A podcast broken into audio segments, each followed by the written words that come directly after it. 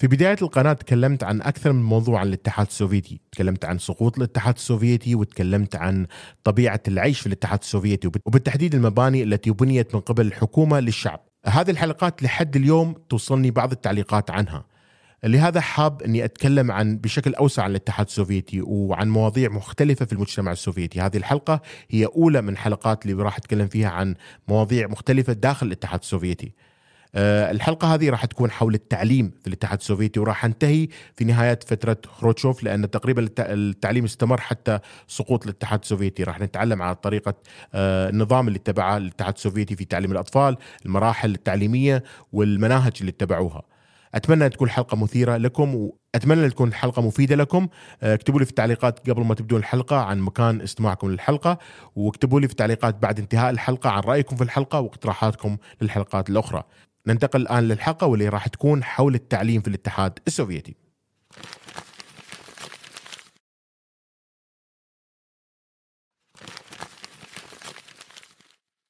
هناك مؤرخين يذكرون بأن لينين كان يؤمن بأهمية التعليم بل ينسب له بأنه قال أعطني أربع سنوات لتعليم الأطفال ولن يتم نزع البذور التي زرعتها للأبد. طبعا من الصعب الحكم حول نظام التعليم في الاتحاد السوفيتي. فالغرب قام طوال فترة بروز السوفييت بشيطنة النظام. لكن الحقيقة أنه منذ بداية الاتحاد السوفيتي كانت إحدى الأهداف الرئيسية التي أعلنتها الدولة العاملة الجديدة توفير التعليم المجاني والإجباري لجميع المواطنين. وهذا يعني جميع المواطنين بغض النظر عن الوضع الاجتماعي أو الجنس أو حتى إذا كانوا يرغبون بالدراسة أم لا. كان على الناس الذهاب إلى المدرسة فكلما كان المرء متعلم كلما أصبح هناك المزيد من الخيارات متاحة للمجتمع من المهارات والإنتاج اعتبر أنه إذا تمكن المواطنين السوفيتيين من القراءة فسيتمكنون من استيعاب الدعاية الماركسية وهذا يضمن من أنهم سيكونون على علم بالمبادئ الرئيسية للتعاليم الماركسية. يبدأ الأمر في مرحلة ما قبل المدرسة حيث طور الاتحاد السوفيتي شبكة واسعة من المدارس النموذجية وروض الأطفال التي استخدمها المواطنين السوفيت بكثافة. تم قبول الأطفال في هذه المدارس النموذجية منذ سن الشهرين فقط حيث كان الهدف السماح للنساء بالبقاء في سوق العمل وبالتالي زيادة الإنتاجية للدولة. كانت رياض الأطفال شديدة الشعبية وتم استخدامها بنشاط من قبل العائلات الذين يرقبن النساء فيهن في البقاء في سوق العمل. فالراتب الإضافي أمر ضروري للميزانية الشهرية. كان يجب على الأطفال البقاء في رياض الأطفال حتى يبلغوا السادسة من العمر حيث يبدأون بالمدرسة الابتدائية. ومنذ عام 1932 تتألف المدرسة الابتدائية من أربع سنوات من التعليم. تليها ثلاث سنوات من المدرسة الثانوية وثلاث سنوات من المدرسة الثانوية العليا أو المدرسة المهنية اعتمادا على اختيار الطالب. ومع هذه الهيكلة لعام 1932 جاء التعليم الإجباري لمدة سبع سنوات لجميع الأطفال السوفييت وكان التعليم الجامعي أو المهني اختياري. كانت النتيجة من ذلك زيادة كبيرة في عدد المواطنين الذين بقوا في المدرسة وحصلوا على التعليم. ولكن الآثار الجانبية كان انخفاض عدد المواطنين في سوق العمل. وهو ما كانت الاتحاد السوفيتي في أمس الحاجة إليه.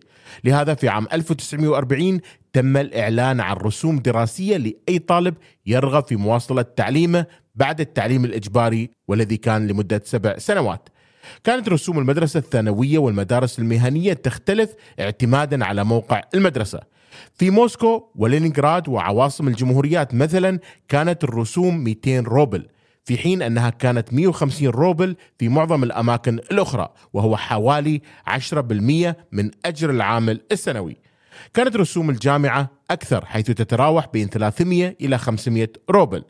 استمرت هذه الرسوم لمدة حتى عام 1956 عندما تم إلغاؤها وأصبح كل التعليم مجاني مرة أخرى وذلك كجزء من حزمة الإصلاحات الخاصة بخروتشوف التي تلت وفاة ستالين مثل العديد من جوانب الحياة السوفيتية قدم خروشوف سلسلة من الإصلاحات في التعليم تهدف إلى تحسين حياة المواطنين اليومية ولكن أيضا بهدف بناء اتحاد سوفيتي أقوى على المدى البعيد. مثلا في عام 1953 تم إلغاء الفصل بين الأولاد والبنات والذي كان منذ عام 1943 كجزء من سياسة المحافظة التي تبعها ستالين ودائرته القيادية. ولكن في عام 1958 ظهر أهم الإصلاحات ذات الأثر الطويل. هذه الإصلاحات كانت نتيجة لإلغاء رسوم الدراسة في عام 1956 قبل إصلاحات عام 1956 كانت الحكومة السوفيتية كما كانت في الثلاثينات غير راضية عن انخفاض عدد الشباب السوفيت الذين يدخلون في وظائف صناعية بمجرد انتهائهم من المدرسة الثانوية. كان خروتشوف يعلم أنه من الضروري أن يكون للبلاد المزيد من الأعضاء المتعلمين والمتخصصين والعلماء والأطباء وغيرهم من أعضاء المجتمع. ولكن من أجل تحقيق ذلك يجب أن يتأخر الشباب في دخولهم إلى سوق العمل بينما يتلقون التعليم. ومع إلغاء رسوم الدراسة تم إزالة حاجز كبير للدخول وسجل المزيد من الطلاب نفسهم في برامج التعليم العالي.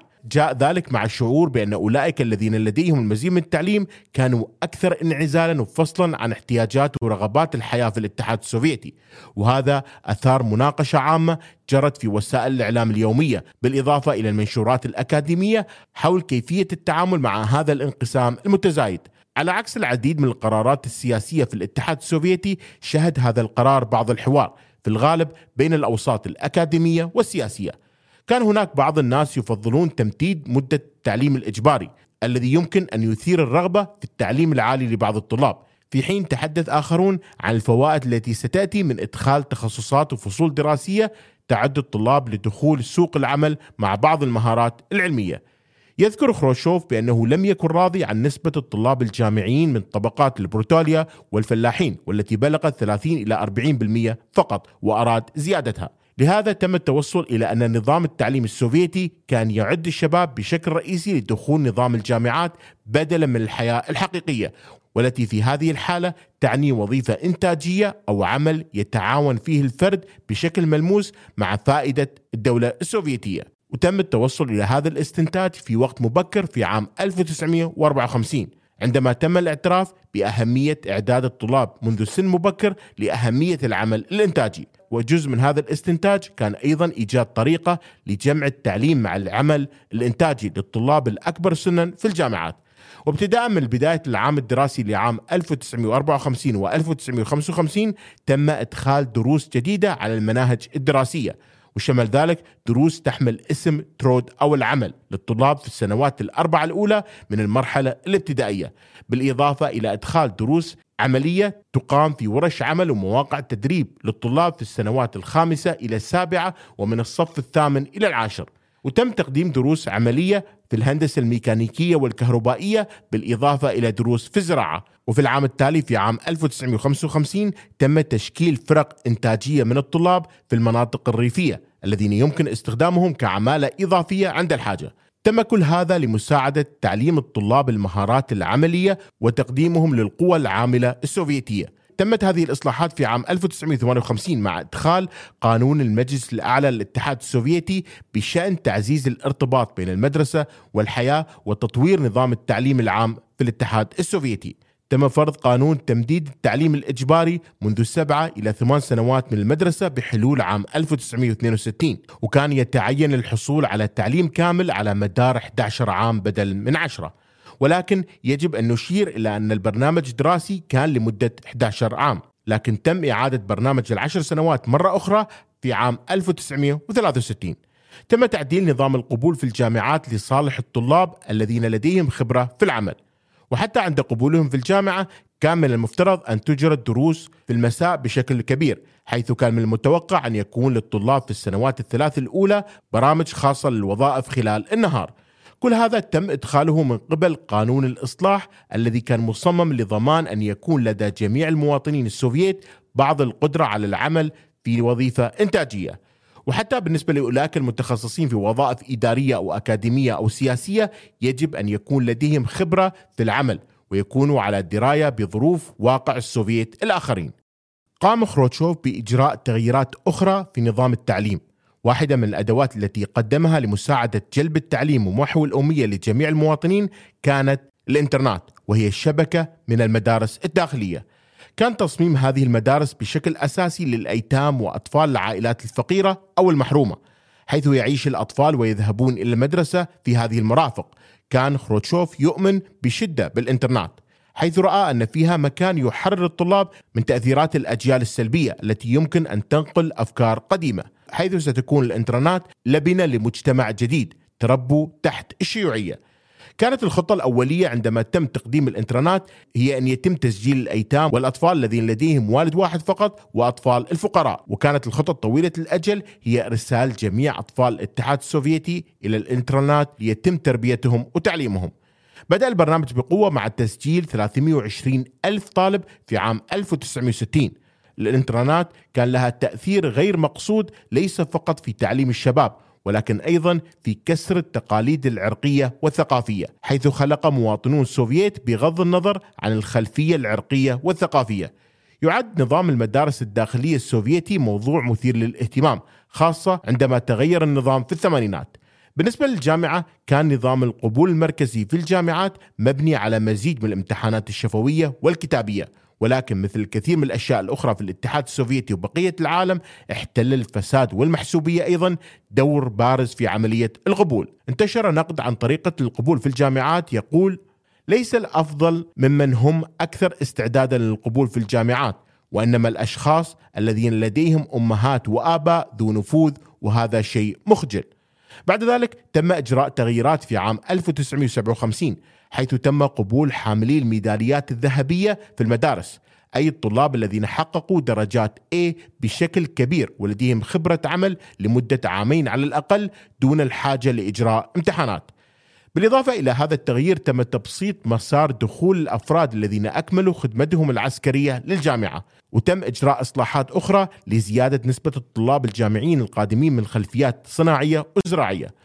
وبدءا من عام 1959 كان المزارع والمصانع ومواقع البناء مواقف جامعية محجوزة لضمان الوصول للجامعة. لكن كان لهذا النظام ما يعوق حصول هؤلاء الذين ليس لديهم خبرة عمل عن قبولهم في الجامعة. وكان هذا واحد من الأهداف الذي أراد خروتشوف تحقيقها من خلال إصلاحه زيادة وتوسيع الوصول إلى التعليم العالي للأشخاص من الطبقات العاملة. حسب الإحصائيات في عام 1958 كان 70% من الطلاب المسجلين في الجامعات السوفيتية لديهم خبرة عمل لمدة عامين على الأقل.